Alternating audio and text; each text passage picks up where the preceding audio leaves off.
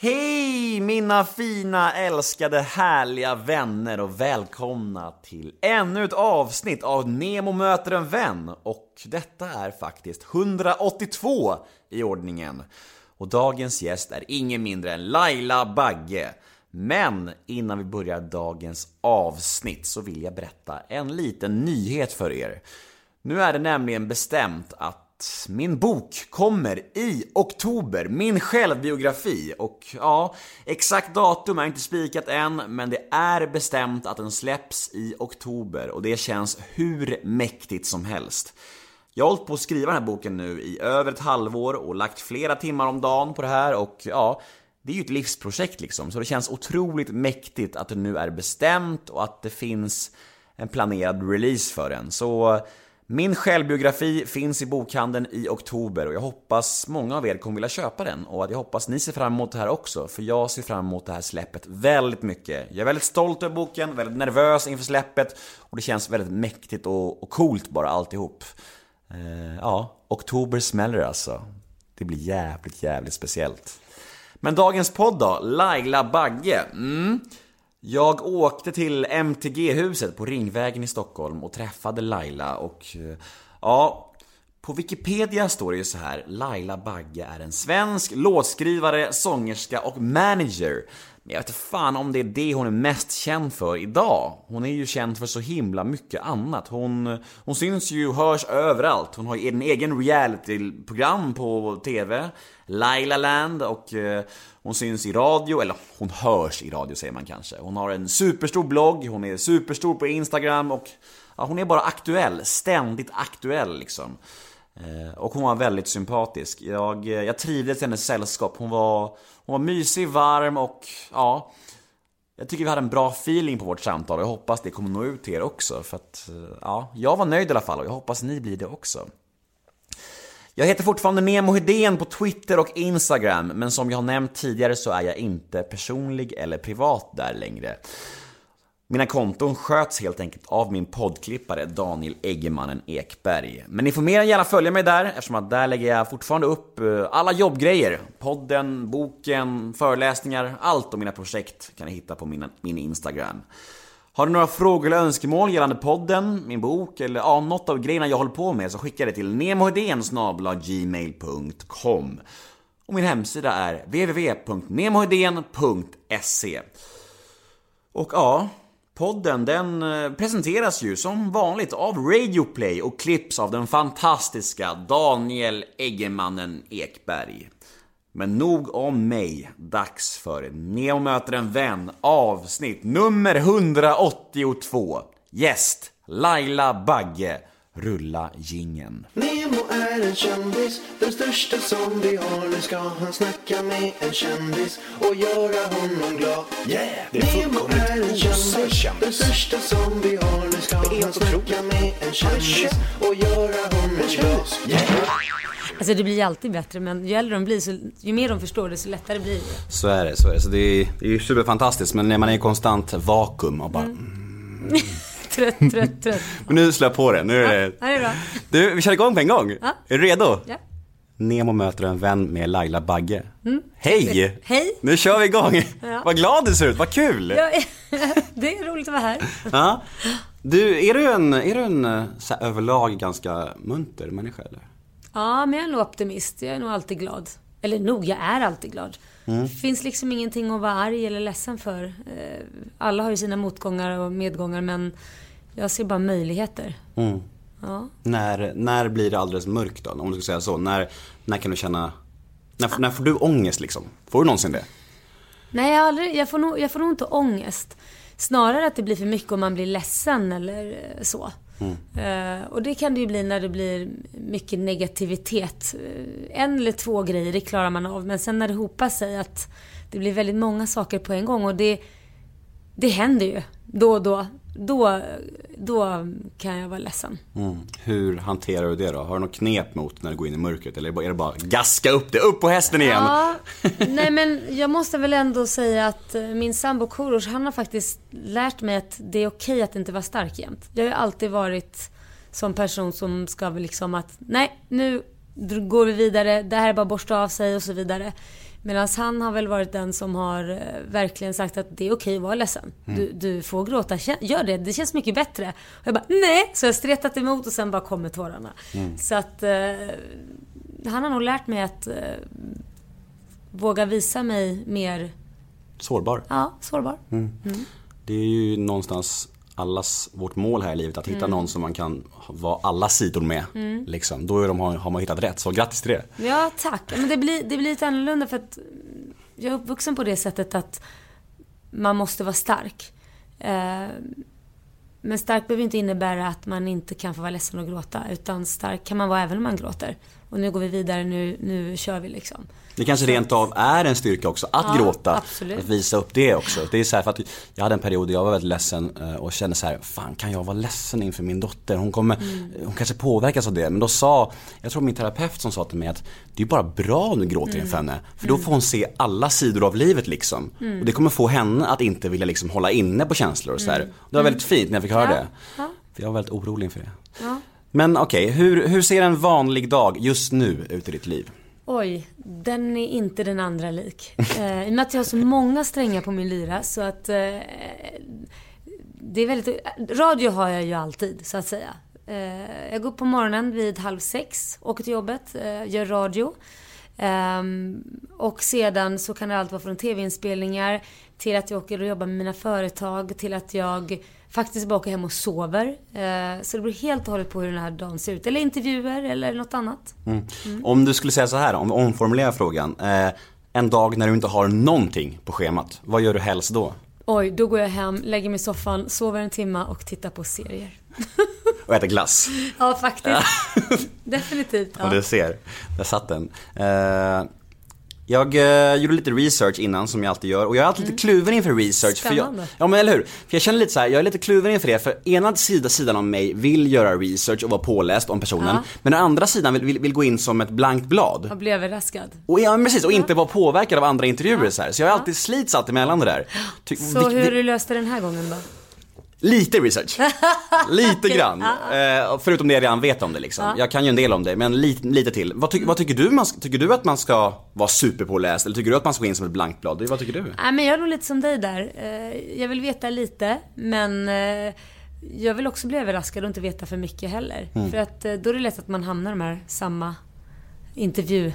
Ja, strategin som man har. Och det, det är inte så roligt, som alla andra gör och sådär. Men precis, och så, så blir det så lätt att man blir begränsad också om man har, om man har hört för många intervjuer med dig till exempel. Mm. Då kan jag känna så här, får jag inte ställa den frågan då för då har hon fått den så många gånger. Exakt. Jag är ju nyfiken på det kanske liksom. Ja, Så Nej, jag ställ, känner ställ samma frågor, det är lugnt. Ja, det kan bli en del upprepningar och det kan bli lite nytt. Vi får se.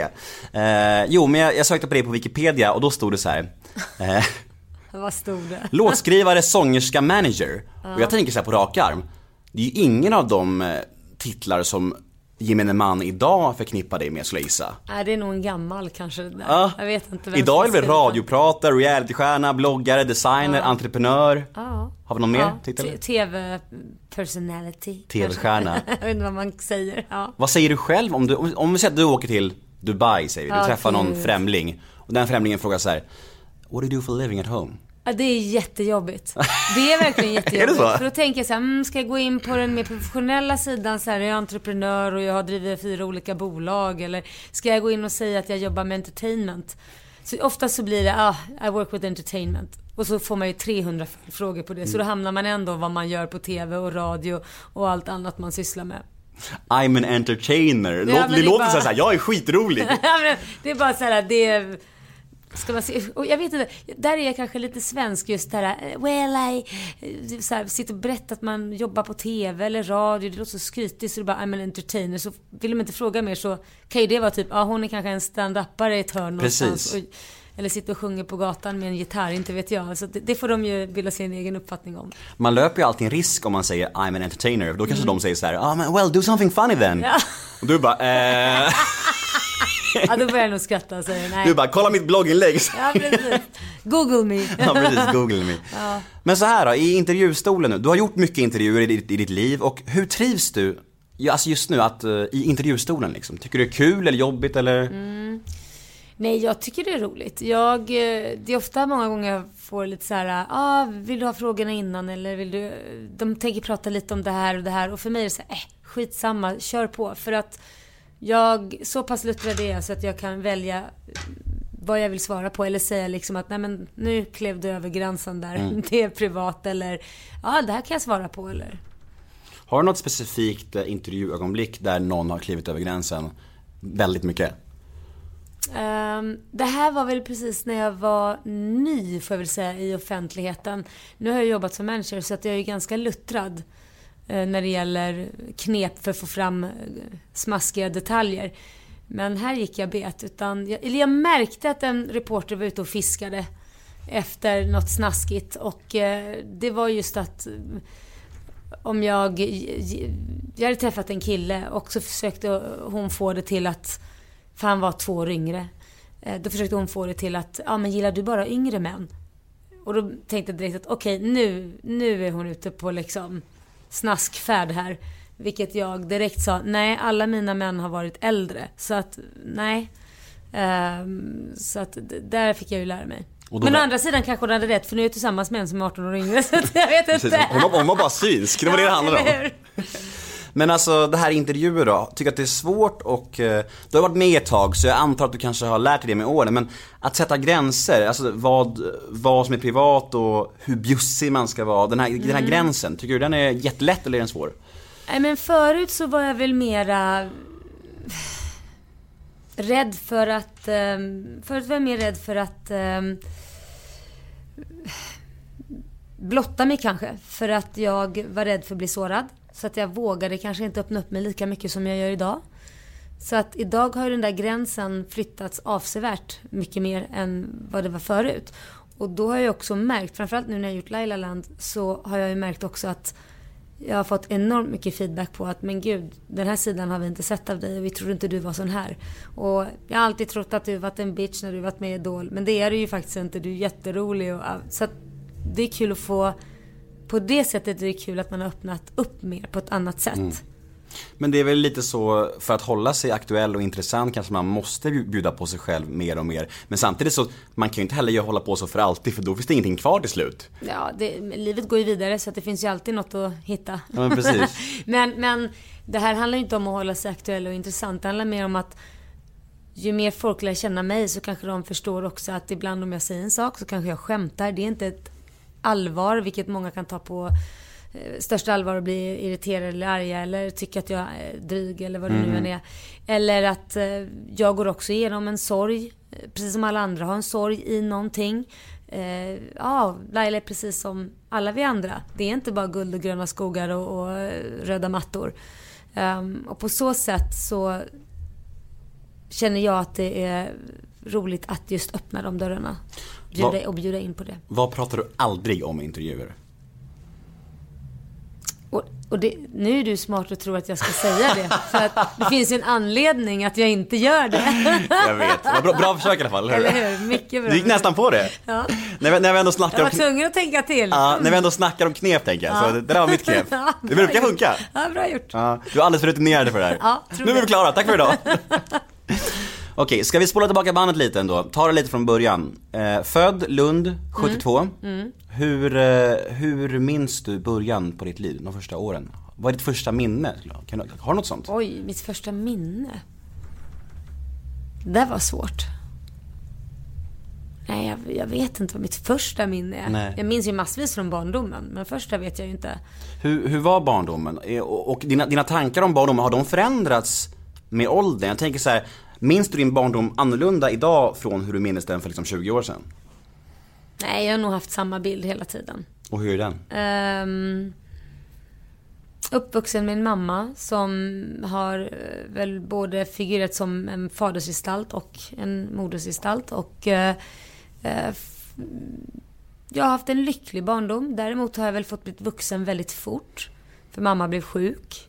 Och eh, har fått hjälpa till väldigt mycket hemma och ta hand om mina syskon. Jag har haft ett stort ansvar som också jag delat med mina syskon sen när de blev äldre. Eh, det har också gjort att vi har fått en väldigt nära relation. Också gjort att jag ser på livet eh, som att ehm, man ska leva här och nu för man vet inte vad som händer imorgon. Och att man ska vara glad varje dag för att man faktiskt lever. Ehm, Kanske därför du är så glad. Ja, möjligtvis. Mm. Eh, ingenting är omöjligt. Det fick jag också från barnsben. Från bröstmjölken. Inget är omöjligt. Ehm, och skit i vad alla andra säger. Eh, förutom de som verkligen betyder något. Det är ingen idé att försöka vara alla till lag som ändå inte gillar dig. Ehm, så att jag har nog vuxit upp och, och sprallig, mycket musik, dans, sång. Hela familjen var ju väldigt, ja vad ska man säga, gillade både dans och musik och teater. Vad eh, var din mamma för sjuk? Hon hade en form av eh, blodcancer kan man säga. Ja. Okej. Gick hon bort också då eller? Hur? Nej, det var ju, saken var den att vi fick ju reda på att hon, eller vi fick, redan som tioåring fick jag reda på att eh, hon förmodligen kommer gå bort inom en snar framtid. En, eh, vad det nu var, ett årsperiod eller tvåårsperiod. Hur tar man det som tioåring? Ja, det tog man ju väldigt hårt. Och det var ju jätte, jätte, jättejobbigt. Och eh, jag vet att jag grät varje, varje kväll. Eh, och hoppades att det inte skulle bli så. Var livrädd för att det skulle hända. För att jag var äldst och mina andra syskon var yngre. Hur många andra var det? Vi fem totalt. Ah, Så att min rädsla var ju att mamma skulle gå bort och mina syskon skulle hamna hos olika människor. Och, typ fosterfamiljer och så här, eller? Ja, eller mormor och morfar och farmor och Ja, ja. farfar och eh, ja, så. Och då skulle man inte växa upp ihop och så kanske man inte skulle ha den relationen man hade.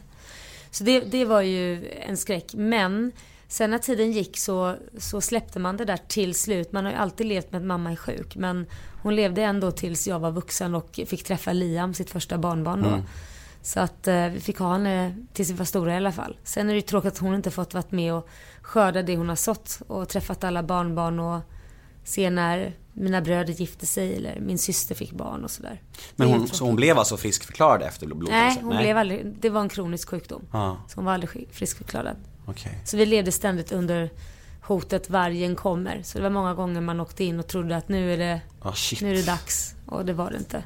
Och så levde hon i 35 år med det där så att Ah, hade man vetat det så hade man ju kanske bara struntat i att, O- eh, Ovisst liv. Ja, jo, det har det ju varit. Men samtidigt så... Jag tror att alla kan säga jag hade inte varit den jag är idag om inte man hade gått igenom vissa saker. Det är klart att jag önskar att, jag inte, att inte det här hade hänt men jag vet inte om jag har uppskattat livet lika mycket eh, som jag gör idag. Jag vet inte om jag hade tagit det mer för givet. Um, ja, och sen har man ju ett annat tänk med sina egna barn. Nu, jag har ju fått, man har ju också blivit kanske lite skadad med att man tänker med att man ska allting förspänt. Om jag går bort så har jag liksom fixat allting så att barnen liksom har det bra. Det där eh, har ju, är ju väldigt viktigt. Är det därför har så många företag och så många bollar i luften? För att du vill liksom lämna ett stort arv till dina barn?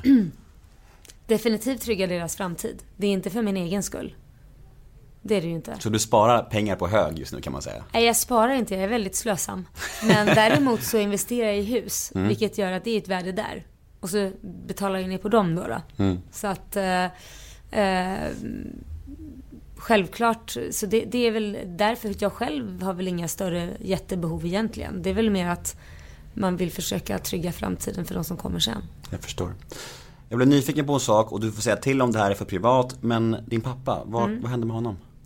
Eh, nej men han, eh, min biologiska pappa är palestinier och han, eh, mamma och han separerade när jag var två år.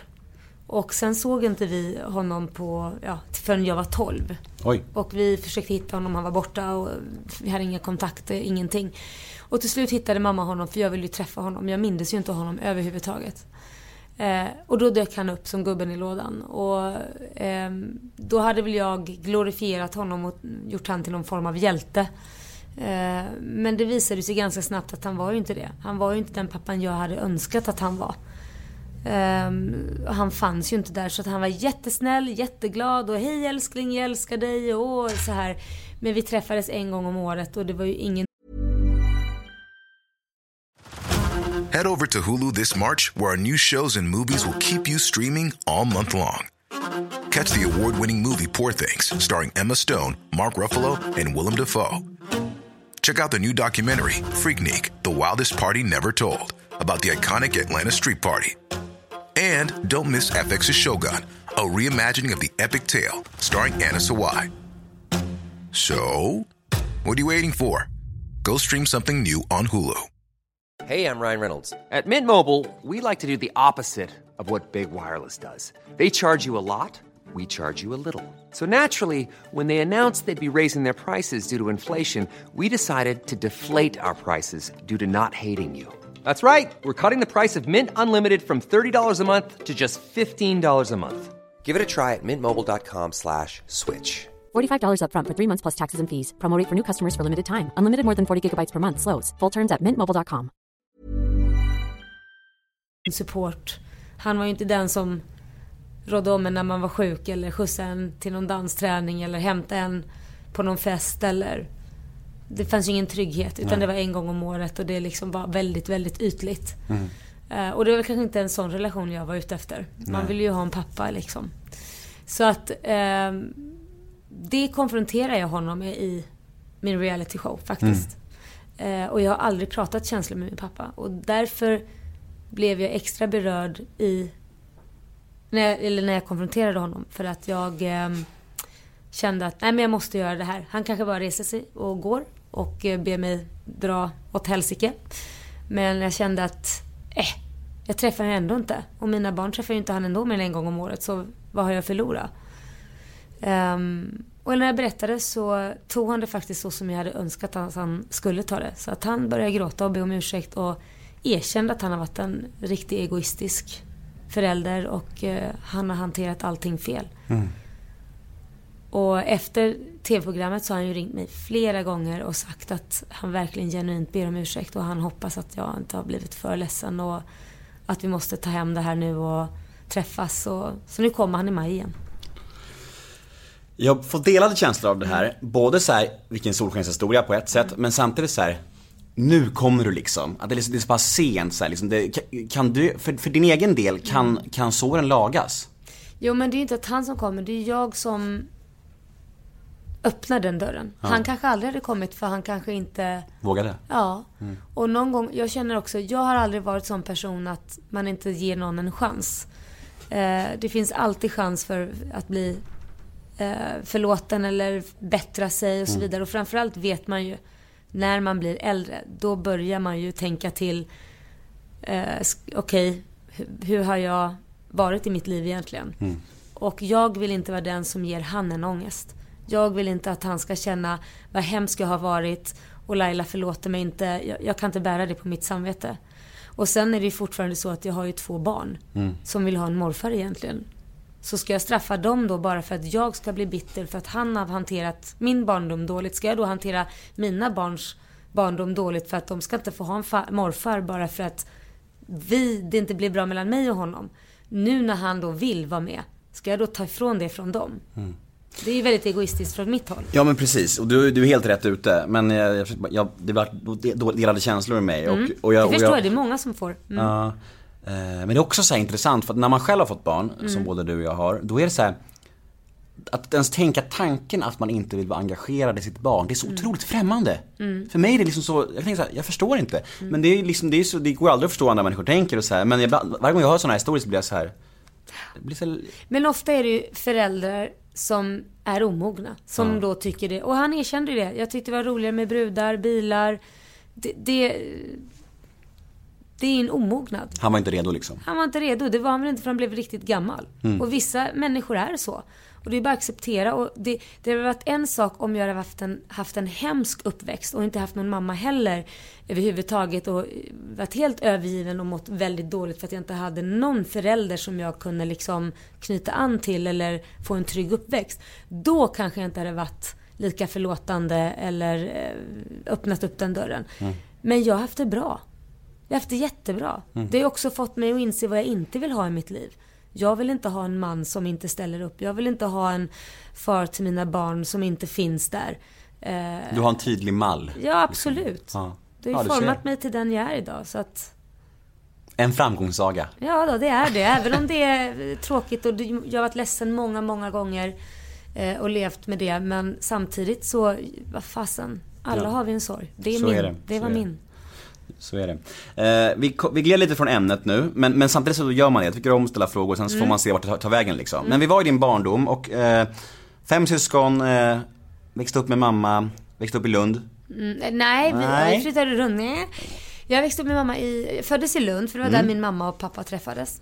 Eh, sen flyttade vi till Israel ett tag vet jag. Eh, och sen så bodde jag i Kalmar i Mm. sju år. Och sen så träffade min mamma eh, min, min styvfar får man väl säga då. Eh, och då flyttade vi till Skåne. Mm, alltså din dialekt är ju Tillbaka. spretig. Den Ja, är ju lite spretig. överallt. Ja, jag har bott i Halmstad och sen Göteborg och sen Stockholm. Så det, det, man kan inte höra var jag kommer ifrån. Men eftersom du har flängt runt så mycket, Ja. tror du att det har skapat någon slags rotlöshet i dig? Mycket möjligt. Jag, jag känner ju att Stockholm, det är ju där mitt hem är. Mm. Och det är nog förmodligen för att det är där jag har bott längst. Det är där jag har bott sedan jag varit 20. Mm. Överallt annars har jag liksom bott sju år hit, fem år dit, två år dit. Skoltiden då? Vad, hur minns du skoltiden och vem, vem var du i plugget och sådär? Oj, jag minns den som jättejobbig läxmässigt och skolmässigt. Jag var ju inte direkt världens smartaste... Jag var ingen plugghäst om man säger så. Jag hade ju andra visioner. Jag ville liksom jobba med dans, musik, teater, sång och det fanns inte där, jag bodde. Det är 6000 invånare i dagens läge. Jag vet inte vad det var då. Förmodligen mycket mindre. Bodde i en, en, en liten håla som heter Löddeköpinge. Ehm, så det fanns inte så mycket liksom utbud att få göra det man ville göra. Sen gick jag och dansade sju dagar i veckan. Så jag hade ju ett fast fokus. Du var en fena på det va? Ja, jag var en fena på det. Bra uttryck, Ja, fena. en fena. Ja. Men vet du, i plugget då? Inget kul plugga, tråkigt att plugga, men socialt Mm. och så, hade du, hade du lärt med kompisar, killar, alltså Eh, jag var, låt mig säga så här, jag var väldigt sent utvecklad och fick ett smeknamn, eh, russin på en skärbräda. Det innebär att man är smal som en planka och har typ två russin som tuttar. Så att jag, Fy fan vad hemskt alltså, usch! Nu fick jag säga gammal skolångest själv. Ja men det var, det var, det var Hur gammal var du då? Ja men jag vet inte, jag var väl åt, gick i åttan, 15 kanske? Jag, 14, 15. Mm. Jag var jättesent utvecklad. Det mesta hände ju när man flyttade därifrån när jag började gymnasiet. Då sa det boom över. Från nian till gymnasiet, det var ju då man exploderade. Mm. Så att jag var ganska sent utvecklad. Men du hade lätt med kompisar och så här, socialt. Ja men det var, nej, men jag var väl den där udda personen. Mm. Eh, sen så hade jag en, eh, en kompis som jag hängde mycket med. Men eh, jag var också mobbad under en period, men det, var, det har väl alla nästan varit känns det som. Eh, under men det förmin- det förminskar inte din mobbing Nej, lågstadie, mellanstadiet där. Men sen, sen så, eh, så röt min mamma ifrån en dag och tyckte att nu får det vara nog och gick in i klassrummet och skrek lite. Men Är det jag, sant? Ja. Jag, jag Kan inte du berätta om det, den grejen? Eh, Och vad var du mobbad för, för första? Nej men jag tror inte de, jag tror inte, jag kände att jag var mobbad. Jag tror inte att de insåg att de kanske gjorde det. För att vi var många syskon, det var mycket snack om att mina föräldrar bara hade sex och låg med varandra hela tiden. Gör inget annat än att ligger för att det är så mycket syskon och så vidare. Och, Jag har fem syskon, jag har exakt samma historia kan Ja men du har det. Ja, men ja. Kom, då kan man säga så här, var kommer det ifrån? Det Använder kommer- de inte kondom eller Ja, hemma? Men då säger man så här, var kommer det ifrån? Förmodligen deras egna föräldrar. Mm, förmodligen. För vem kommer på en sån sak när man går i mellanstadiet Nej, eller i lågstadiet? Så att, så att det, det De är kaniner hemma. Ja eller? precis och det är klart, då kan, man kanske inte ta det som mobbing men blir, får man höra det varje dag, dag ut och dag in och sen hur smal man är eh, och liksom russin på en skärbräda och allting. Det är klart man tar åt sig. Eh, men samtidigt så de bad om ursäkt sen och sa fasen vi fattar inte att du blev ledsen. Så att det, det... Så en dag så dundrade din mamma in i skolan och bara Vi gör väldigt mycket annat än att knulla hemma, ska Ja, jag be om att få så tala om? var det. Så var är det. det sant? det hade varit fantastiskt. Okej, vi ligger mycket kanske.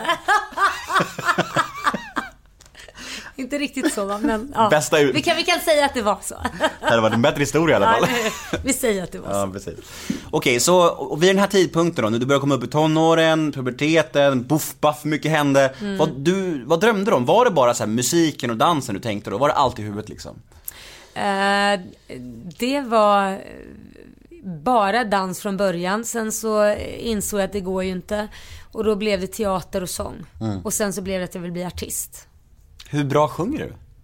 Nej men du vet, jag har alltid resonerat så att du behöver inte vara någon bra sångerska. För att Madonna var inte det heller från början och hon har ju lyckats ganska bra. Ja, okej. Sen har hon lärt sig med åren och blir bättre och bättre på att sjunga. Ja. Men man kan inte säga att hon har en av de bästa rösterna i världen. Nej. Nej, men, men, men eh, du, ja, fan, Så att det är så mycket mer, men artist är så, det är så mycket mer än bara en, alltså en bra röst. Mm. Så att eh, det finns ju otroligt många med fantastiska röster som aldrig blir kända Mm. och aldrig kan leva på det. Bara för att de saknar allt det andra. Mm. Det andra är nog mer viktigt än själva rösten. Det är att du har driv, du har ett jävla namma och att du liksom har ett tänk med hur du vill framställa dig själv som artist. Det är som att sälja en produkt. Har du inte kommit på den där, det där sättet hur du ska sälja dig själv, alltså som produkt, då är det ju svårt. Så du satt där i lilla, lilla Lödderköping och bara drömde stort och bara Jag ska fly den här småstaden mot Stockholm, jag ska göra revolt. Ja, nej, men så? det gjorde jag. Ja. Och när att jag skulle- till Stockholm, det visste jag. Och när flydde du? När stack du? Nej men jag stack ju när jag var fem, 16, efter nian direkt. Mm. Så 15, jag fyllde ju i december, så det blir 15, jag fyllde 16 i december. Själv alltså? Ja, flyttade hemifrån. Shit, Fast jag flyttade till Halmstad först, för jag gick gymnasiet där. Mm. Så började dit och sen när jag gått ut där så flyttade jag till Göteborg. Och det var ju mer för att söka gymnasium då. Den enda estetiska linjen som fanns på min tid, det var i Halmstad, var en dans och teatergymnasium och sen fanns det en i Umeå.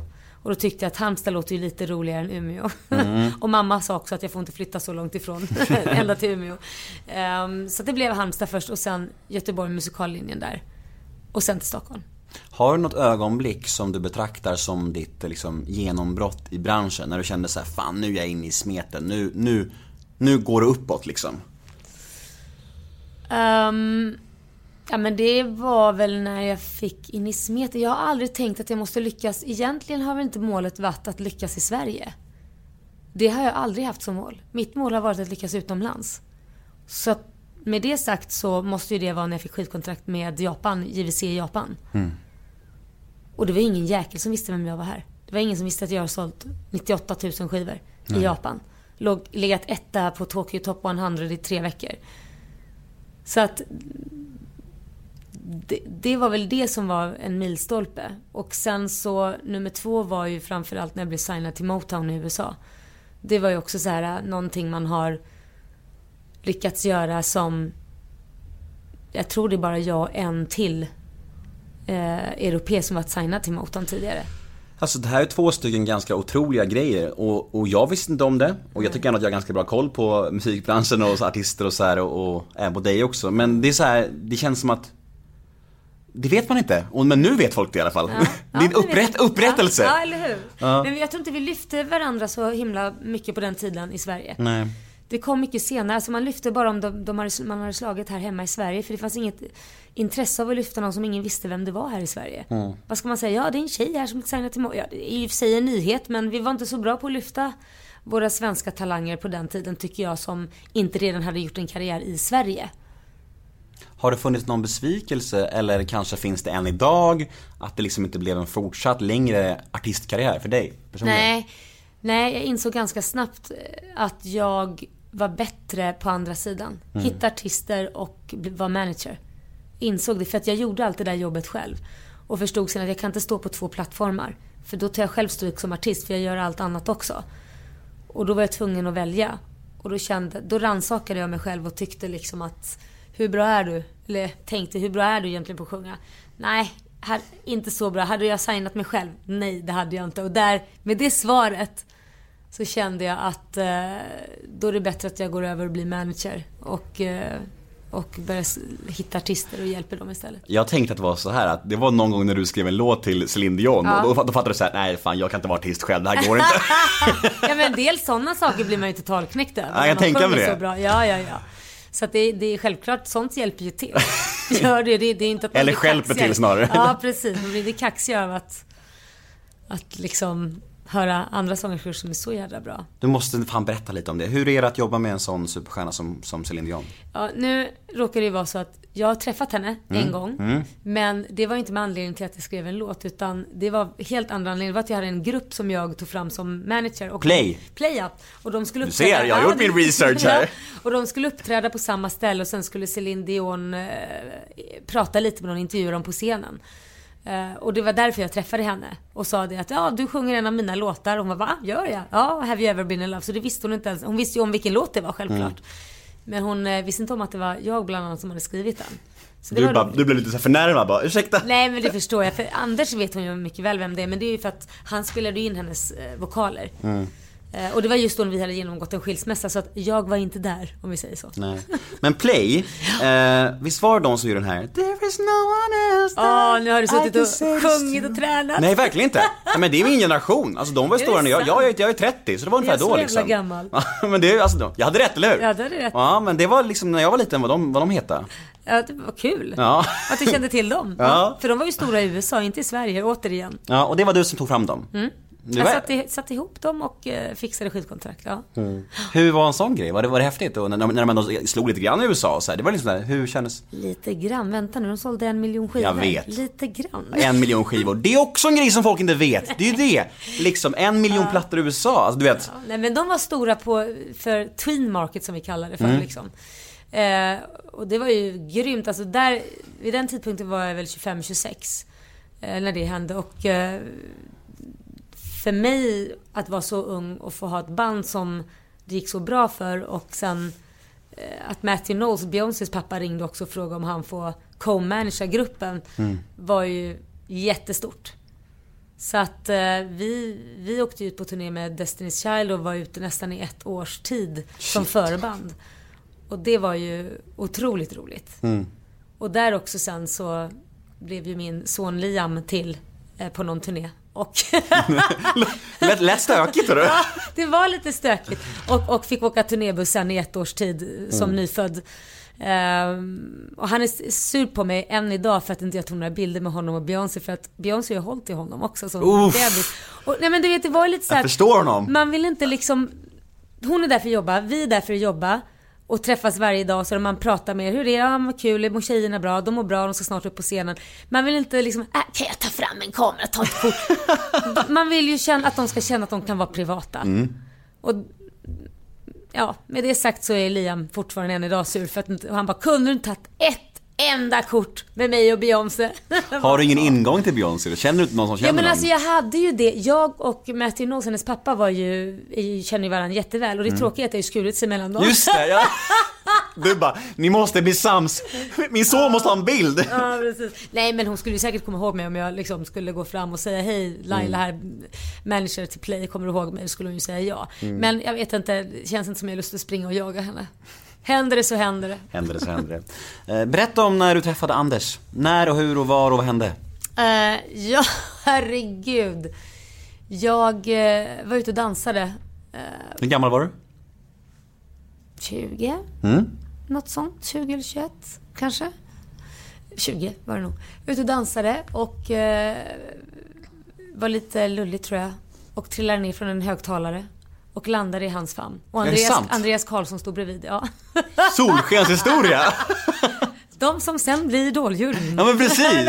Wow! Ja, så att eh, då säger han lite skämtsamt, eh, sjunger du lika bra som du dansar, säger han. Jag hade inte en aning om vem Anders var. Eh, och han hade väl precis släppt en låt med Jennifer Brown vid den tidpunkten.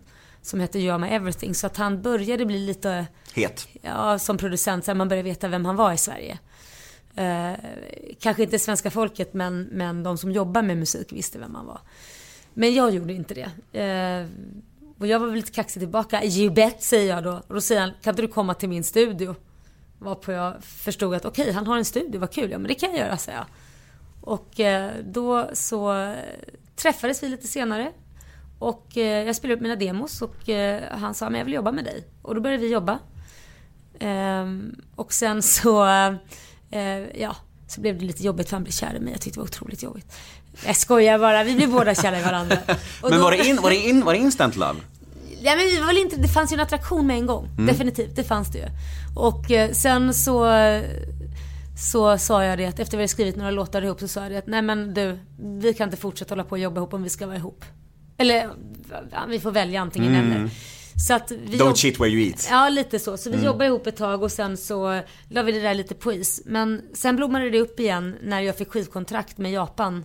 Eh, för då ville de att vi skulle skriva låtar ihop, för de hade ju hört de här låtarna. Så att då, då tvingades vi jobba ihop igen. Så att då skrev vi ihop igen tillsammans.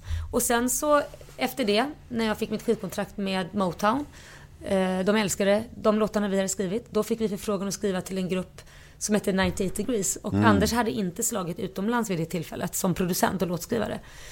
Eh, då fick vi erbjudande att skriva till en grupp som heter 98 Degrees. Och den gruppen, han skrev två låtar Anders. Jag och Anders skrev en låt och sen skrev han en till med eh, Antor och Bloodshy. Ja, och Känner du- du känner Arthur? Ja, gud ja. Jag känner Arthur jätteväl. Har Han har varit med här också. Jag har haft alla de i källarvåningen på vårt hus. Är det sant? Ja, för där startades Merlin som var då ett produktionsbolag som skrev låtar och hade artister och allting. Och jag var en av de första.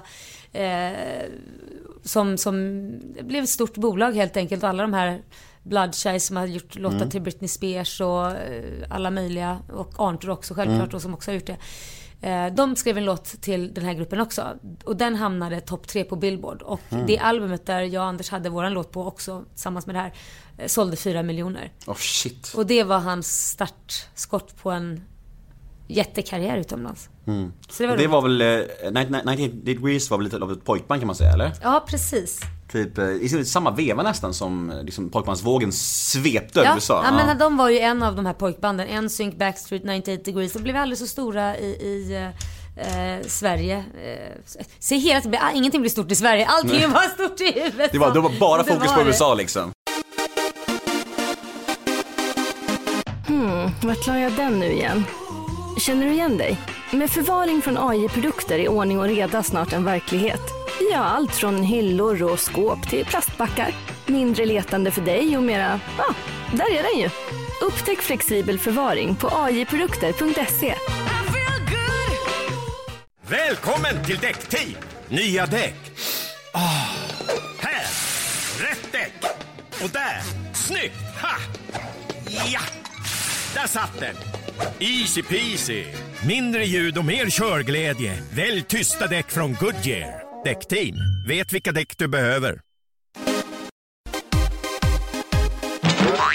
Men hur var, hur var han som pojkvän? Jag är så nyfiken, hur var det liksom att leva med honom? Han verkar, alltså, jag tycker han verkar superhärlig men också helt snurrig. Helt snurrig.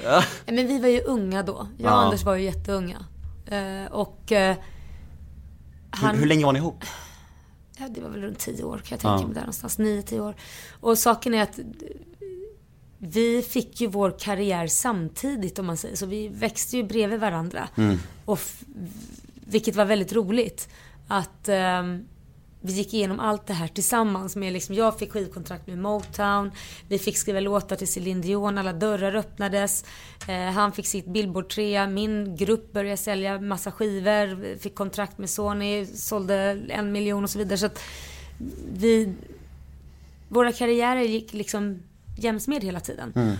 Och sen när vi gick ifrån varandra så har ju karriärerna fortsatt och gått bredvid varandra fram tills nu när vi bröt upp med Idol. Men vi har ju hela tiden jobbat fram tillsammans och haft bolag och, och gjort andra saker ihop. Eh, TV-produktion och så vidare. Eh, fram tills tre år tillbaka. Mm. Men det kan det inte vara jobbigt tänker jag att om man, om man separerar och sen fortsätter jobba så tätt inpå, då måste man vara på exakt samma nivå känslomässigt när, man, när man bryter upp. För annars kan det Ja. bli knepigt, eller? Nej men det måste man ju vara, självklart. Vi, vi, vi båda tog ju det beslutet att eh, gå vidare.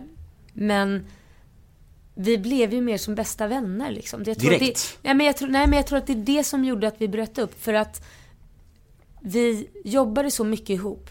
Så den där kärleken försvann till slut. Det blev mer som ett arbetskollegor och bästa polare. Och då försvinner den där attraktionen. Så att det var väl det enda jag kan se tillbaka att vi kanske gjorde lite fel. Att vi jobbade alldeles för mycket ihop. För vi gillade väldigt mycket att jobba ihop. Du pratade lite om Idol och jag tänkte vi ska fortsätta på det ämnet. Vad kan du sakna mest med Idoltiden och vad saknar du minst? Mest med idoltiden är att hitta talanger.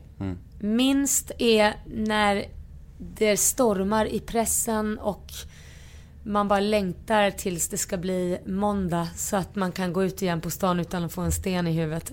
Överdriver jag lite men du förstår vad jag menar. Vad är det värsta som har hänt eh, på stan eller så här, något liknande av eh, en reaktion från någon tittare eller lyssnare eller så här? Nej men det är väl inte på stan, det är väl mer på sociala medier. Det är klart det händer ju på stan också men det, det är att bara för att man är offentlig så verkar det som att då får man skriva precis vad som helst och då får man säga precis vad som helst. Och jag håller med om att har man gett sig in i leken får man leken tåla. Absolut. Men det är skillnad på att gå på personangrepp på en väldigt, väldigt låg nivå. Eh, och vad jag menar med det, det kan ju vara könsord och det kan vara allt möjligt och man häver ur sig liksom. Det blir lite så här: okej. Säg istället att jag gillar inte dig, du är oprofessionell eller vad fasen som helst. Du, du eh, kan inte bedöma eller du suger eller vad elak du är, vad som helst. Men när man går på sig liksom saker som är... Ja, Ja, hur Du tar, förstår vad jag menar. Ja, men hur tar du liksom kritik? Du har så himla mycket följare och du har varit med i saker där du ständigt bedöms och uppmärksammas. Ja. Rinner det bara av dig eller går det in i dig? Nej, men- Och förändras det med åldern eller? Ja, nej men kritik, jag är bra på att ta kritik. Men jag tycker också det handlar om vad för kritik man ger och vad för kritik man får. Att bara hoppa på, på personangrepp, det för mig det är ingen kritik. Det där är bara ren och skär mobbing. Och jag vet att jag har blivit dratt över en kam eh, där att man säger att ja, men, man mobbar när man säger ifrån att någonting är dåligt. Nej, det gör man inte om man säger vad det är som är dåligt. Det, däremot om man bara säger liksom att fan vad ful du är. Ja, det... Okej, jag kan inte göra någonting åt det. I'm sorry. Sorry. Det är liksom ingen kritik som har något syfte egentligen. Eh, Men däremot att tyvärr, du är tondöv. Det ser jag snarare som en hjälp. Att lägg din energi på något annat där du faktiskt kan nå en framgång. För det finns en plats för alla människor. Men kanske att, att vara artist kanske inte just är din grej. Däremot finns det mängder med jobb inom musikbranschen som A&R, eh, manager, låtskrivare. Det finns ju hur mycket som helst. Alla kan inte stå på scenen och sjunga. Så jag förstår inte vad problemet är som gör att folk blir så kränkta. För att jag kan ju erkänna själv att jag har inget läshuvud. Jag kommer aldrig kunna bli en läkare. För jag vet att jag inte kommer klara alla de proven. Det funkar inte för mig. Och då kan jag inte tvinga in mig. Jo då, men jag, jag kan min sann. Men jag vet att det kanske inte är min plats. Även om jag skulle vilja att det var min plats. Men det är inte min plats. Min plats är någon annanstans. Och hittar jag den nyckeln, då kommer jag vara skitlycklig. För alla människor vill ju egentligen vara på ett ställe där de verkligen känner genuint att de är duktiga. Och alla människor är duktiga. Men du måste hitta på vilken grej du är duktig på. Ja, jag håller helt med.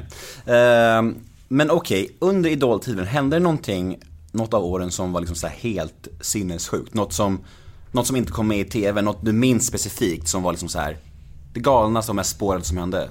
Som vad då? Jag vet inte, någon som betedde sig illa, hotfull kanske eller kissade på Det audition. sa- det händer ju saker hela tiden. Man var ju, jag hade min pre- pressansvarig Lilja Sefa. Det var ju jämt när hon ringde. Det är än så än idag när Lilja ringer mig. Vi, vi är vänner, väldigt goda vänner. Men hon hanterar också väldigt mycket pressfrågor. Och när hon ringer, då är det jämt, jag svarar jämt, ja hallå? Och hon bara, nej men det första hon börjar med, det är ingen fara, jag vill bara prata här liksom privat, okej. Då släpper en stor sten. För jag är redo med boxningshandskarna. Jag är redo med att nu kommer, nu kommer skiten. Vad ska jag tackla nu? Ja, det är lite så. Fy fan alltså. Och det, det bygger på de åren kanske med Idol. För Mm. att första året var det en smekmånad. Resterande år, då var det ju liksom en virvelvind. Och det, det kan jag väl känna att den tiden är skön att den är lite över. För det var... Var det någons fel i juryn så var det mitt fel. Därför blev jag så glad när, Andreas, eller när Alexander Bard kom in. Fick Ja, han dela på, på, på det här negativa med mig då. Då var det Ja. vi två, inte bara jag. Men, men oftast när det var någonting som var negativt och det var någon som hade sagt något dumt så var det en bild på mig Fast det kanske var Alexander Bard som hade sagt det. Så var det ändå en bild på mig och det stod kanske juryn eller något sånt där. Så det, det känns ju skönt att kanske ha fått lämna just den biten. Hur mycket är stageat då? Alltså hur mycket är regisserat och så här? För jag, man vet ju att vissa grejer är liksom så här att de tar med de auditions Alltså först är det någon slags testjury och sen som Ja. de, de som kommer fram till er jury, det är liksom de som är bäst och typ sämst och roligast. Kan man säga så? Nej, det, alltså så här, och det, jag, det, det är ingenting att hymla med så att det är ingenting som är något konstigt för att så här. Skulle vi som jury, nu säger vi som jury, jag sitter inte ens i jury Nej. längre, men skulle vi då som jury titta på alla som söker, vi pratar om, det är runt 10 000 personer som söker. Vi skulle inte göra annat än att få sitta varje dag och titta på de här och det funkar ju inte. Två månader. Precis, det går ju inte. Och det skulle ju kosta otroliga pengar produktions... det- skulle gå konkurs, skulle, det går inte. Omöjligt. Så att vad man har är en förjury som sållar ut de bästa, de sämsta och lite mellanmjölk. För det finns, mellan, finns tre kategorier. Mellanmjölk som är så här jätteduktig men kommer hon kunna bli artist, han artist? Mm, vet inte, vi får väl se. Och de jättebra. roligaste och galnaste, eller hur? Ja men det är, ja precis, och roligast och självklart. Det också. Så att man får ett spann på hur det faktiskt ser ut på riktigt. Det den förjuryn får se. Det är ju det som vi får in till oss. Vi kan ju inte bara, de kan ju inte bara sålla och skicka in de som är bra. För det är ju inte så verkligheten ser ut. Det är inte bara bra som söker. Men vilka sitter i den här förjuryn? Ja, det vet jag inte. Det är olika som, som är... Typ skivbolagsfolk? Nej, det är det nog inte. Det är sådana som, är- men sådana som har koll ändå. Man behöver inte jobba på ett skivbolag för att ha koll. Nej. Faktiskt. Nej okej. Eh, Men hur, mycket betalt får man för en säsong? Ungefär. Jag fattar att du inte kan säga en exakt summa, men handlar det liksom om... Du, det är olika. Om, jämför, om du jämför säsong 1 med sista säsongen. Ja, då är det en stor jävla skillnad. Ja, men, men, Nej men det är en stor skillnad på grund av att säsong ett var alla vi tre okända Mm. för, eh, för tittarna. Det är en sak om man visste vem vi var i musikbranschen. Men för tittarna så var vi helt okända. Vilket gör att den lönen är självklart inte densamma som någon som är en etablerad eh, person som har synts i rutan väldigt mycket. Är det en fast summa för hela projektet? Ja. ja. Sista året, var det Jag ungefär... kommer inte avslöja mycket det. Om jag säger gissning kan du säga att det är nära. Sista året, sista året var det ungefär en miljon. Jag kan inte säga. Om det är nära kan du väl säga? Jag kan inte säga det för ett så kanske de som sitter i juryn nu blir ledsna. Du vet, du vet att jag känner, jag sa till dig att jag kände Arntor va? ja, ja. Och han har ju också fått frågan om att vara Ja, juryn. då vet ju du kanske vad... vad... Det är därför- Eller jag vet inte, det vore intressant att veta vad de erbjöd honom. Ja, nej men jag, jag frågar ju för att jag har snackat med honom om summorna. Ja. Så jag vet ju lite, men vi kan ta det efter istället. Det kan vi ta. Efter, nu, vet du hur arga mina lyssnare kommer bli nu? Så här, de hatar när jag gör så här. vi tar men- det efter. Ja. Eh, ja, vi går vidare. Du har ju ganska mycket följare överallt och är väldigt populär och fol- folklig kan man nästan säga nu för tiden. Kan man säga det nu för tiden? Ja, hur känns det? Folklig? Nej, men det är bra att vara folklig. 330 000 följare på Instagram. Mm. Eh, kan man ens greppa det? Eller Och varför tror du att så många följer dig liksom? Jag tror att många följer mig för att jag är så fantastisk Ja, härlig människa. Nej! Jag är så, jag är så älskvärd! Ödmjuk. Jag är lätt att älska. Ja. What's not to love? Nej men Ja. jag, jag, eh, jag vet inte. De kanske följer mig för att jag...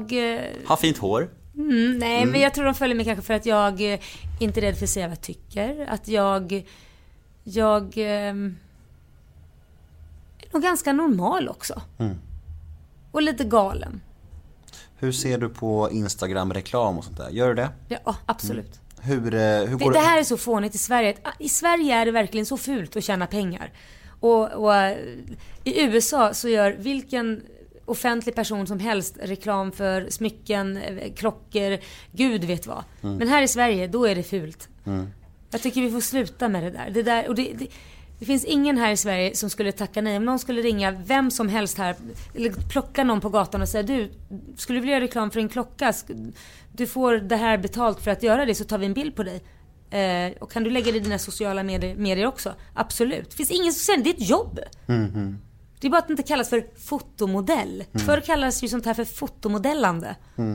Nu har det ju mer blivit liksom att man vänder sig till, eh, vad ska man säga, eh, människor med bloggar eller Instagram och så vidare. Det handlar inte direkt om kanske att man ska vara världens snyggaste utan att man har följare som man kan nå i så fall. Hur funkar det då? Är det typ så att, vi säger sj.se, de kontaktar, eller SJ räcker med att säga. De eh, kontaktar dig och säger så här: Hej Laila, skulle du vilja skriva ett inlägg om, eh, Hur långsamt det går på tågen och hur, aldrig, hur sent man kommer till alla sina möten. skriv om att vi aldrig är i tid. Nej, det du, går du ju får, inte. du får, du får Nej, skriv om hur fantastiska vi är. Du får 50 000 för två inlägg. I typ. Fast det är antagligen mer pengar, men det är ungefär så det funkar eller? Ja, de, alltså så här, de, ja, typ så. De ringer och frågar. Nej, de säger inte skriva fantastiska vi är. de, de frågar. Först får man en förfrågan om man vill, vill, kan tänka sig ett samarbete. Mm. Och jag har den policyn att jag samarbetar bara med dem som jag verkligen genuint gillar. Mm. Jag skulle aldrig samarbeta med något som jag själv inte vill pröva. Eller inte tror på. Eller tycker är, uh, nej det där står jag inte för. Utan jag måste stå för det. Och till exempel om det är någon som vill att jag ska göra ett reklam för någon dryck till exempel. Då vill jag också faktiskt genuint tycka att den är god. Jag skulle ju aldrig rekommendera något som smakar kattpiss och tro att jag kan lura på mina läsare det för då skulle de ju bara skriva sen själva att det där smakar ju för fan skit. Och den, den, det vill man ju inte ska hända. Så att det enda jag kan göra det är att jag själv kan tycka det är bra. Sen kan det ju finnas andra som tycker det är dåligt men jag vill ju i alla fall tycka att det är bra och stå för det. Så att det är ju jättemycket samarbeten jag har tackat nej till. Och sen är det också jättemycket samarbeten jag har tackat nej, nej till som jag tycker konkurrerar med varandra. Mm. För jag tycker att om vi nu säger så att jag får en förfrågan om att vill du prova de här vitaminerna till exempel? Mm. För jag, det var någon som hade läst att jag eh, ja, får urinvägsinfektion ganska ofta. Och då, då så sa han, vill du prova tranbär? För det, det ska hjälpa mot urinväg. Vill du pröva det? Så, det kan jag väl pröva då. Eh, och hade ett samarbete. Och för mig kändes det jättebra. Det funkade verkligen. Och då kände jag att men det här kan jag stå för. Så att, men då har jag haft andra bolag som har kontaktat mig vilket jag då har tackat nej till. För att jag känner att Nej men nu står jag för det här och jag har valt det här. Mm. Jag kan inte bara säga ja för att säga ja till mängder med olika grejer. Utan det måste vara någonting som jag själv brinner för och själv står för. Och inte att det blir för kladdigt mellan Det är konkurrerande jag, varumärken. Det är som att göra cola och sen göra Pepsi liksom. Ja men det går ju inte. Nej. Antingen tycker de... Själv så tycker jag bättre om det ena än det andra. Mm. Och då skulle jag hellre jobba med det, det jag tycker om. Sa hon diplomatiskt. Precis. Men, men alltså när jag gissade på summor, är det ungefär, ett inlägg 100 000 ungefär? På, på mitt Instagram? Mm. Nej, gud nej. Jag har ingen aning. Nej, du går ju efter följare. Det där finns ju statistik man, man tar. Okej. Alltså följare, hur många följare man har och hur Ja. hög hitrate man har. Och sen självklart får du räkna in varumärket också. Hur pass bra varumärke du har. Spännande. En helt ny värld är det ju. Ja. Du, ehm, du har ju två barn. Är, om Mm. Vad jag vet. Vad, vad du vet, ja precis. Eh, Liam är 15 Mm, Fyller 15 Fem fyller 15. Ja, i juli. och Kit är 5. Han är 6. Han, Han fyller 7 sex. i oktober. Av mina två gissningar var alltså båda fel. Ja, Ja, bra research!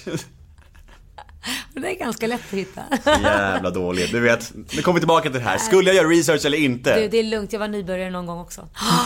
Och, och bara här fyra år, tack! Du är mitt 183 avsnitt typ. Jag skojar. Fy fan, jag har varit kränkt nu alltså. Jag skojar. Hur tror du att ditt eh, moderskap förändrade dig när du fick ditt första barn? Jag blev rädd för att dö. Innan var man odödlig, eller inte odödlig, man var, man, det spelar väl inte så stor roll. Man tänkte inte så mycket på om något händer så var det så här, ja ja. Det är inte så många att ta hänsyn till. Nej. Nu så... Eh, nu vill jag i alla fall leva tills de klarar sig själva. Är det ju. Nu är man ju livrädd för att man liksom ska gå bort i förtid. Det måste väl du känna som har fått barn? Ja, gud ja. Man blir väldigt påmind om sin egen, om livets ändlighet. Helt plötsligt. Ja, jag har aldrig Ja. tänkt på det. Och nu är det bara så här, jag måste finnas för henne hela Ja. tiden liksom. Och hur känner du när du hoppar på ett plan och barnet är hemma? Äh, Fruktansvärt. Ja. jag var i Kap Verde för några veckor sedan med min morsa. Det var, det var hemskt alltså. Ja. Men det blir bara värre har jag hört. Ja men det är ju det. Det är just det där man liksom, och det konstiga är när man sätter sig och flyger tillsammans hela familjen, då känns det inte lika läskigt, vad Nej. hemskt. Då dör Det är vi just- ihop, vi dör ihop i alla Ja, fall. det är lite så, men det är just det, vad ska hända när jag inte finns där, hur ska den klara sig? Var det stor skillnad på att få första och andra barnet? Alltså för dig som mamma, är det liksom förberedelser och hur man tänker Nej. och känslor? Nej, jag har nog varit en ganska avslappnad mamma från början. Ja. Och jag, kanske, jag vet inte. Jag, jag har känt mig som en pojkmamma, så att så Mm. här... äh, Jag vet inte. Pojkmamma, vad menar du med det? Nej men det roliga är... Nej men jag gillar mer liksom, jag... jag och nu, nu, nu blir väl det här fel, självklart. Men det här är ju väldigt känsligt nu för tiden. Nej men just det här med liksom, jag har aldrig sett mig så här äh, rosa prinsessklänningar och dockor hit och dockor dit. Utan det är snarare så här äh, hårda tag och nu ska vi ha brottas och sen så ska vi spela fotboll. Alltså mer åt det hållet. Ehm, känner jag igen mig i i alla fall. Ja men då så. Så det var väl mer det jag syftade på så att säga. Sen så har det inte spelat någon roll om jag får flickor eller pojkar men, men jag... eh, Men det kanske spelar in att du har fått, eh, att du har haft en mamma som har varit både mor och far tänker jag. Ja kanske, jag Det kanske inte. har någon inverkan där. vet inte. Att du fick, blev lite hårdare också. Ja, kanske det. Ja, Mycket du, möjligt. du får gå till en terapeut och fråga. Ja, jag får fråga det. Ja. Har du varit i terapi mycket? Nej, jag har... Jag gick i terapi efter, min, efter en av mina skilsmässor. Mm. Gjorde jag. För att eh, hitta mig själv och få stöd. För det, Mm. skilsmässa, är- det är ingenting jag rekommenderar. Det är jobbigt. Det är dagens tips till lyssnarna. ja, Skiljer det inte. är fruktansvärt jobbigt. Hur, hur tror du att du är som, som mamma? Är du en liksom... Ehm, ja, det får ju berättat för mig varje dag av Liam, så att... ehm, Du är den galnaste morsan i stan. ah, nej då. nej, men jag... Jag... eh, Jag... eh, lyssnar väldigt mycket på mina barn. För att är det en sak jag eh, bär med mig sen jag var liten, det var när hur mycket jag ogillade när man inte fick prata och när vuxna människor klappade en på huvudet och sa ja, ja. Och inte tog det man sa på allvar. Utan jag lyssnar för att även om man är liten så kan man faktiskt ibland vara vettigare än en vuxen i vissa områden. Verkligen. Ehm, och jag eh, är förlåtande. Men jag ställer också höga krav. Eh, för mig, om vi tar Liam som är tonåring. Han har verkligen fria tyglar ända tills den dagen han bevisar motsatsen. Han vet vad reglerna är och ja, han får väldigt mycket utrymme. Men skulle han eh, bryta mot dem så skulle snaran dras åt väldigt hårt. Och om man frågar Liam vad är det värsta som kan hända? Och då vet jag att han skulle säga det är om mamma blir besviken. Och det är väl lite så min mamma uppfostrade mig också att du har fria tyglar men gör du mig besviken då har du förlorat allt förtroende och det är värre än att få en smäll. Just det att få bevisa igen då att man liksom Det är en lång väg tillbaka då. Ja, det är väldigt lång väg. Så att därför, och, och där uppfostrar jag mina barn redan från början att när de är pyttesmå och de ska berätta någonting och man märker att det här kan vara en lögn. Och jag säger det att om du säger mamma lova att inte bli arg, så lovar jag, lovar jag att inte bli arg vad du än berättar. Men, får jag reda på att du ljuger, nu när du får den här chansen, då kommer jag bli skogstokig. Och det har funkat. Och då har de alltid berättat sanningen. Hur jobbig den har varit. Att nej men det var jag som började och slog han. Eller det var jag som gjorde det. Och då får man ju inte bli arg. Då får man ju bara säga jättebra att du berättar det. Eh, då tycker jag vi går och ber om ursäkt för så får man ju inte göra. Men de får ingen skäll. Utan mer snarare att man säger att det var dumt gjort. Nu går vi och ber om ursäkt eller vad det nu är de har gjort. Eller gör inte om detta. Nu har du lärt dig detta. Eh, och då gör de oftast inte det. Just att få den där kommunikationen att de vågar berätta no matter what. Så berättar de. Eh, och så vill jag ha det även när första fyllan kommer. För den kommer komma. Även om jag inte vill det så fattar jag ju också att den där fyllan kommer ju. Är du, är du en curlare? Eh, nu måste jag ta det här igen. För att det, Laila? Hej Laila! Anton heter jag, ringer från produktionsbolaget Mastiff. Hej! Får jag ringa tillbaka till dig? Är det du som har ringt tidigare? Jaha, jag tror det var från skolan, var därför. Jag sitter mitt i en intervju. Men då ringer jag tillbaka till dig när jag är klar. Kan, kan jag ringa om typ 20 minuter? Halvtimme. En halvtimme. Ja.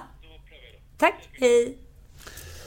Jag tror det var från skolan. De ringer sådär hysteriskt. Så tror man att det är... Nu är det nya tv-jobb Ja, på nu G. är det- Nu kommer det rassla i Ja, kassan det ännu mer. Ja, ja. Nej då. Vad sa du? Jag sa, curlar du dina barn? Om din son, vi säger, Liam, säger så här, han hör av sig bara han messar dig. Morsan, för över fem lax, jag behöver ny jacka. Fem lax! Aldrig i Mm. Men jag vet livet. inte.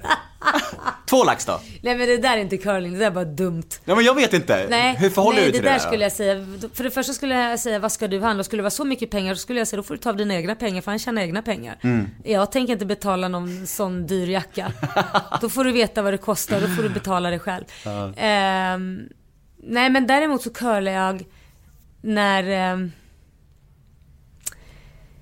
måste tänka. Jag vet ju att jag curlar. Jag måste bara hitta ett bra exempel på vad det är jag curlar med.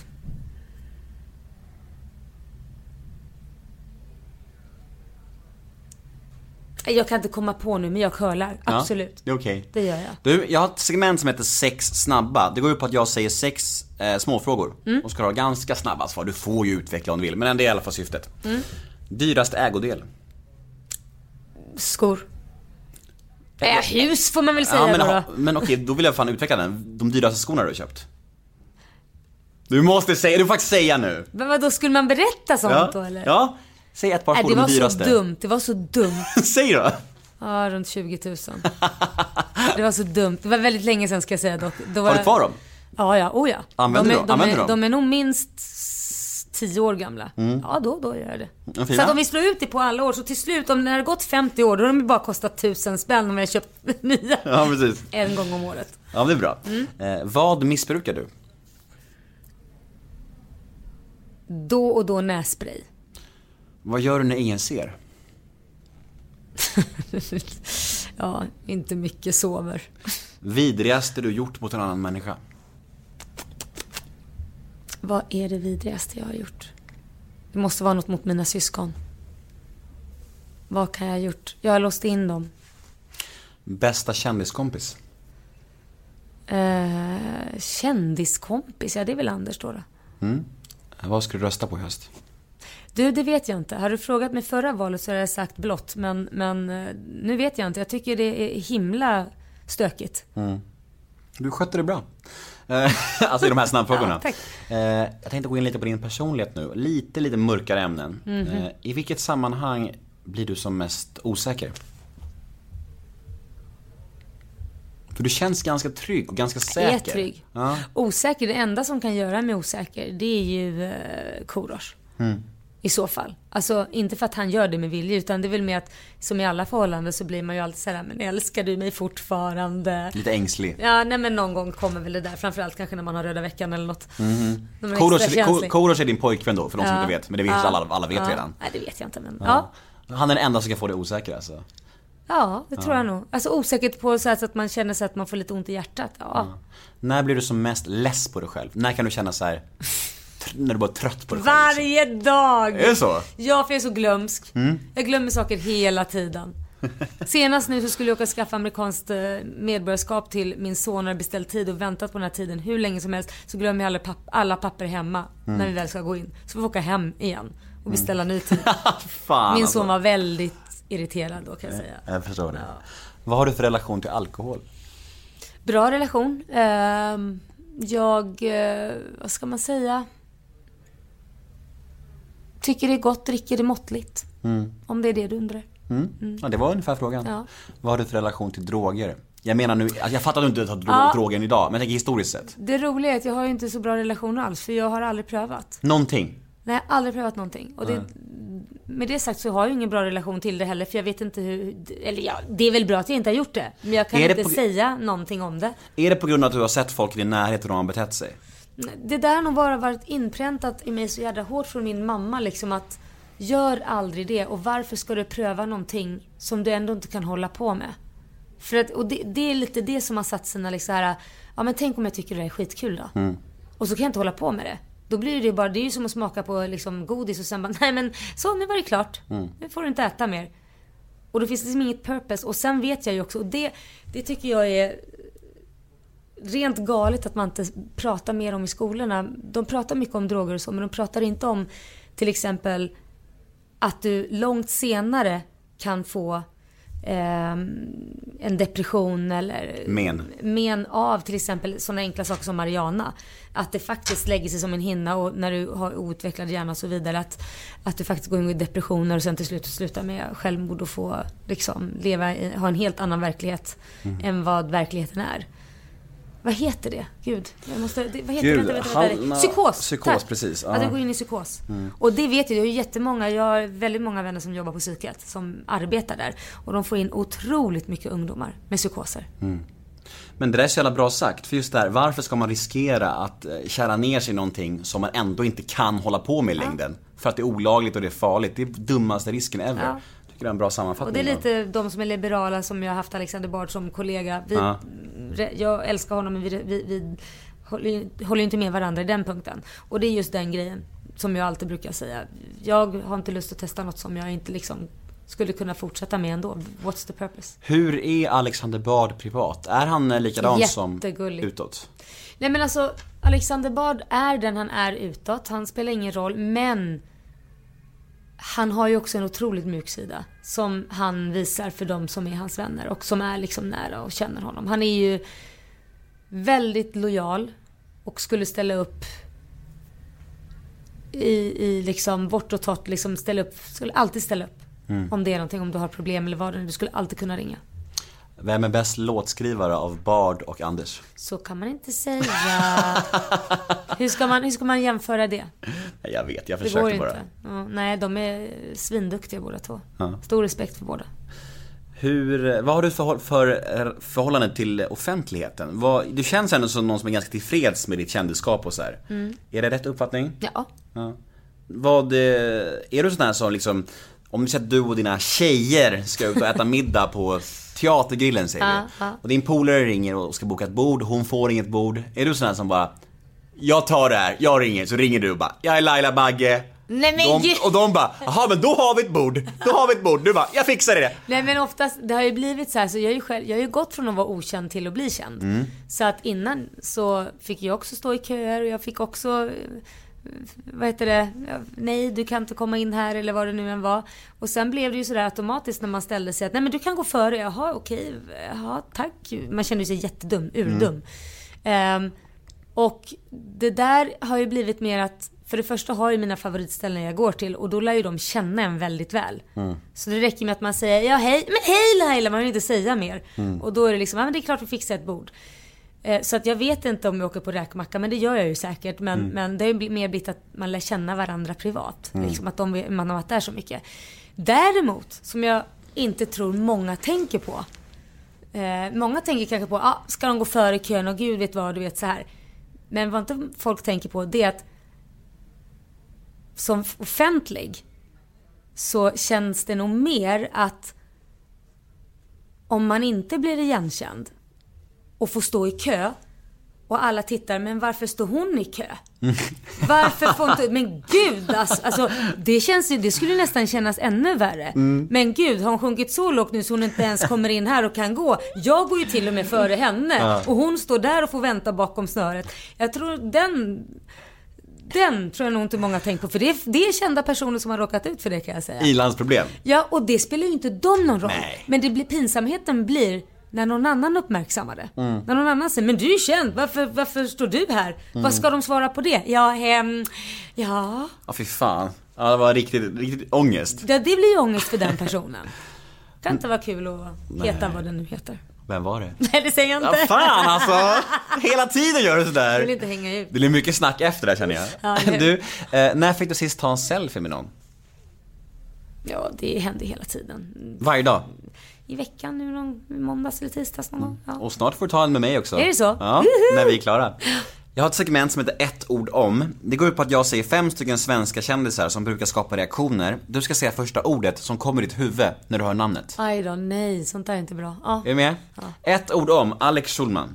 ja nej men eh, han är härlig. Ja, jag skulle säga ett ord, förlåt. Härlig. Jag, innan så gillar jag inte Alex. Nu säger jag många ord. Ja men då får du utveckla. Innan Ja. inte men nu Nej gör men jag nu, nu gör jag det. Nej Ja. men det var för att det var en tidpunkt när jag precis hade blivit offentlig som eh, han var ganska... eh, Hård. E, hade ganska elak tunga mot mig. Mm. Och sen så pratade vi ut och så blev det bra. Många är de som har ändrat uppfattning om Alex Schulman genom åren. Jo men han har ju ändrat sig själv också. Så är det. Faktiskt. Det- han har blivit lite en- snällare. Han har blivit lite mer mysfarbror nu än vad, vad han var innan. Äntligen börjar allt hos en själv. Ja. Så är det. Marcus Birro.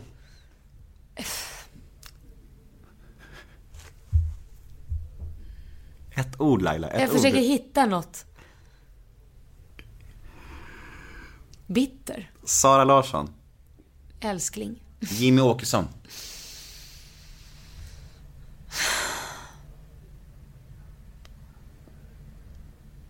Det, det, förlåt att det tar så fruktansvärt lång tid. Det är okej. Ehm.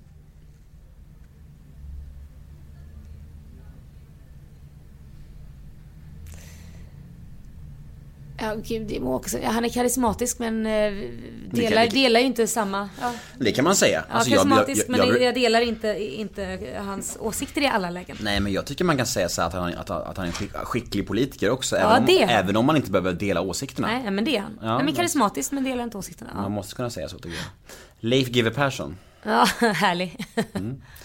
Avslutningsvis så har vi fem stycken lyssnarmail Aha. som vi ska gå igenom. Vi börjar med, vi börjar med det första. Ja. Veckans eh, mail 1. Hej Laila! Har Anders, Korosh och Niklas några som helst likheter? Och vad skulle det vara i sådana fall? nej, inte en enda. Är det så? Ingenting? Som alla tre delar? Nej. nej, faktiskt inte. Har du någon relation alls med Jag Niklas måste idag? tänka, jag måste tänka, jag måste tänka om jag har, om jag har någonting. Ja men humorn då, humor. Fast sen är det ju allt relativt vem som har mer och mindre humor. Men, Ja. men det har ju alla människor egentligen, det har ju du också. Så det, Ja, tack! Till och med du har humor Nemo! Alla har ju någon form av humor så jag vet inte vad jag ska säga. Vad Det lät som du menade det. Ja precis. Nej, nej, nej de har fasen ingenting gemensamt. Nej. Har du någon relation alls med Niklas idag? Ja vi har ju ett barn ihop. Ja men det vet jag, men förutom det, alltså, ni, kan ni ha god ton eller är det bara alltid- alltid såhär, vad säger man, strävt? Strävt. Ja, det var bästa ordet jag kunde komma på. Nej, vi, vi eh, försöker ha en god ton för Kits skull. Mm. Eh, och eh, och ehm, det hoppas jag att vi kan fortsätta ha. Mm, hoppas jag med. Mm. Och mina lyssnare. Mm. Veckans brev nummer två. Eh, berätta lite om ditt palestinska arv. Vad har du för relation till Palestina? Kan du språket? Jag kan säga marhaba, kifalik. Mm. Eh, that's it. Sensuellt. Ja, eller hur? Mm. eh, nej men jag, den relationen jag har, det är ju min far. That's Mm. it. Och jag har eh, släktingar där i Israel också. Och i eh, Palestina också för övrigt. Så det finns ju två olika, eh, vad ska man säga, eh, ställen där jag har släkt. Mm. Mm. Nummer tre. Hej Laila. Jag vet att du har fått prata om det här mycket i media, men jag är ändå nyfiken på om du kan utveckla det. Vill du ha barn med Korosh? Försöker ni? Kan han tänka sig ett barnlöst liv? Oj, det var min fråga till Korosh tror jag. Ehm, barnlöst liv. Ehm, nej men eh, vi har väl bestämt oss för att eh, se om det går. Ja. Ehm, jag är ju inte purung som sagt var. Så att, eh, Men du ser purung ut. ja vad gulligt. Ja. Tack du ha. Ehm, men eh, så vi, vi har bestämt att kolla om det går. Mm.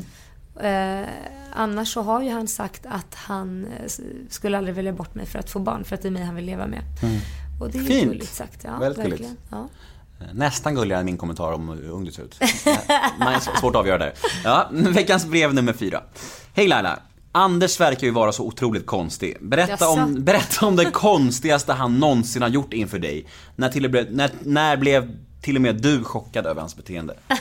Har du något, har du något minne där, där du bara, vad är det som händer? Nej, men jag har så många minnen av Anders som är konstiga och jag var ju också konstig men vad kan det vara? Nej men han så, alltså det, väldigt mycket var, var roligt. Eh, han sov ju liksom med fönstren öppna. Eh, och jag fick ju sova med dunjacka och täcke för att jag liksom frös så mycket. Men han var tvungen att eh, sova med fönstren öppna. Han klarar inte av att ha stängda fönster. Bara det är konstigt när det är vinter. Mitt ute i vintern. Fy. Och då pratar vi inte bara lite på glänt utan de ska vara vidöppna. Så det var Så så det snöar in liksom. istapp i skägget när Ja, man ja, vaknade. ja, ja, ja. Nej men det var hemskt. Jag hade mössa på mig också. Han är ju, han, han är ju svår att få hit kan jag säga. Vi har haft kontakt typ i, i tre års tid och han, han har sagt ja sen kanske, ja men Mm. ring då, ja men vänta ring den människan. Då kan jag ge dig ett tips. Åk till Ekerö. Det är det enda sättet. Du kommer aldrig få med honom annars. Nej, Han lämnar inte Ekerö. nej. Enda gången han lämnar Ekerö det är när han ska till Idol. Ja men det är helt sjukt. Jag hade varit med om någon så Nej. svår människa att få grepp om. Alltså, Du får åka dit. ja, jag får åka hem till honom. In- Lite otäckt beteende bara. Ta med poddutrustningen bara. Ja. Nu är det dags Anders. Ja. Nu har jag sagt kanske nu i tre år, nu är det dags. Veckans brev och sista brev då. Mm. Nummer fem. Hej Laila, hur minns du Let's Dance-tiden? Är det lika mycket ormgrupp som alla ligger med alla, som folk säger? Ja. Det är så? Ja, det var så i alla fall. Nu vet jag inte. Nu börjar de här dansarna växa upp ju. och få egna familjer och barn. Alla, varenda säsong snackas det ju om hur sensuellt det är och Ja. kåta stämningen och Ja så men här. det, det säger sig själv. Det blir ju alltid ett par som blir tillsammans eller eh, fifflar bakom kulisserna. Man vill ju inte gärna att sin partner ska vara med i Let's Dance. Nej, hade, med, med tanke på det jag vet så hade jag sagt nej till min partner. så skulle jag säga. Så om Korosh kom bara, jag får 20 miljoner för Let's Dance. Då skulle jag säga nej. Minns du vad du fick i betalt för Let's Dance? nej, jag gör faktiskt inte det. Nej. Men visst är ganska olika där, eller hur? Vad det är folk får. mycket olika. De säger alltid att det är samma, men det är det inte. Är det olika i Idoljuryn också? Vad folk får? Ja, Ja. det är det. Okej. Du, vi börjar bli klara. Mm. Hur känns det här? Det känns bra. Ja, vad Det fint. beror på hur du klipper ihop det här sen. Det enda jag kommer klippa bort, det är dina telefonsamtal kan jag säga. Ja, det är det. Ja, men i övrigt tycker jag att det var skittrevligt. Ja, väldigt, väldigt kul. Eh, om man vill följa dig så finns du ju överallt, eller hur? Ja. Ja men du är ju typ överallt. Du är ju väldigt... Sök på Laila Bagge överallt så hittar du mig. Ja. Ja, precis. Eh, Jag heter Nemo Hedén på Twitter och Instagram. Hashtaggen är NEMOMÖTER. Gå in och gilla oss på Facebook gärna. Nemo möter en vän heter vi där. Säger stort tack till Laila Bagge. Mm, tack. Hej då! Hej.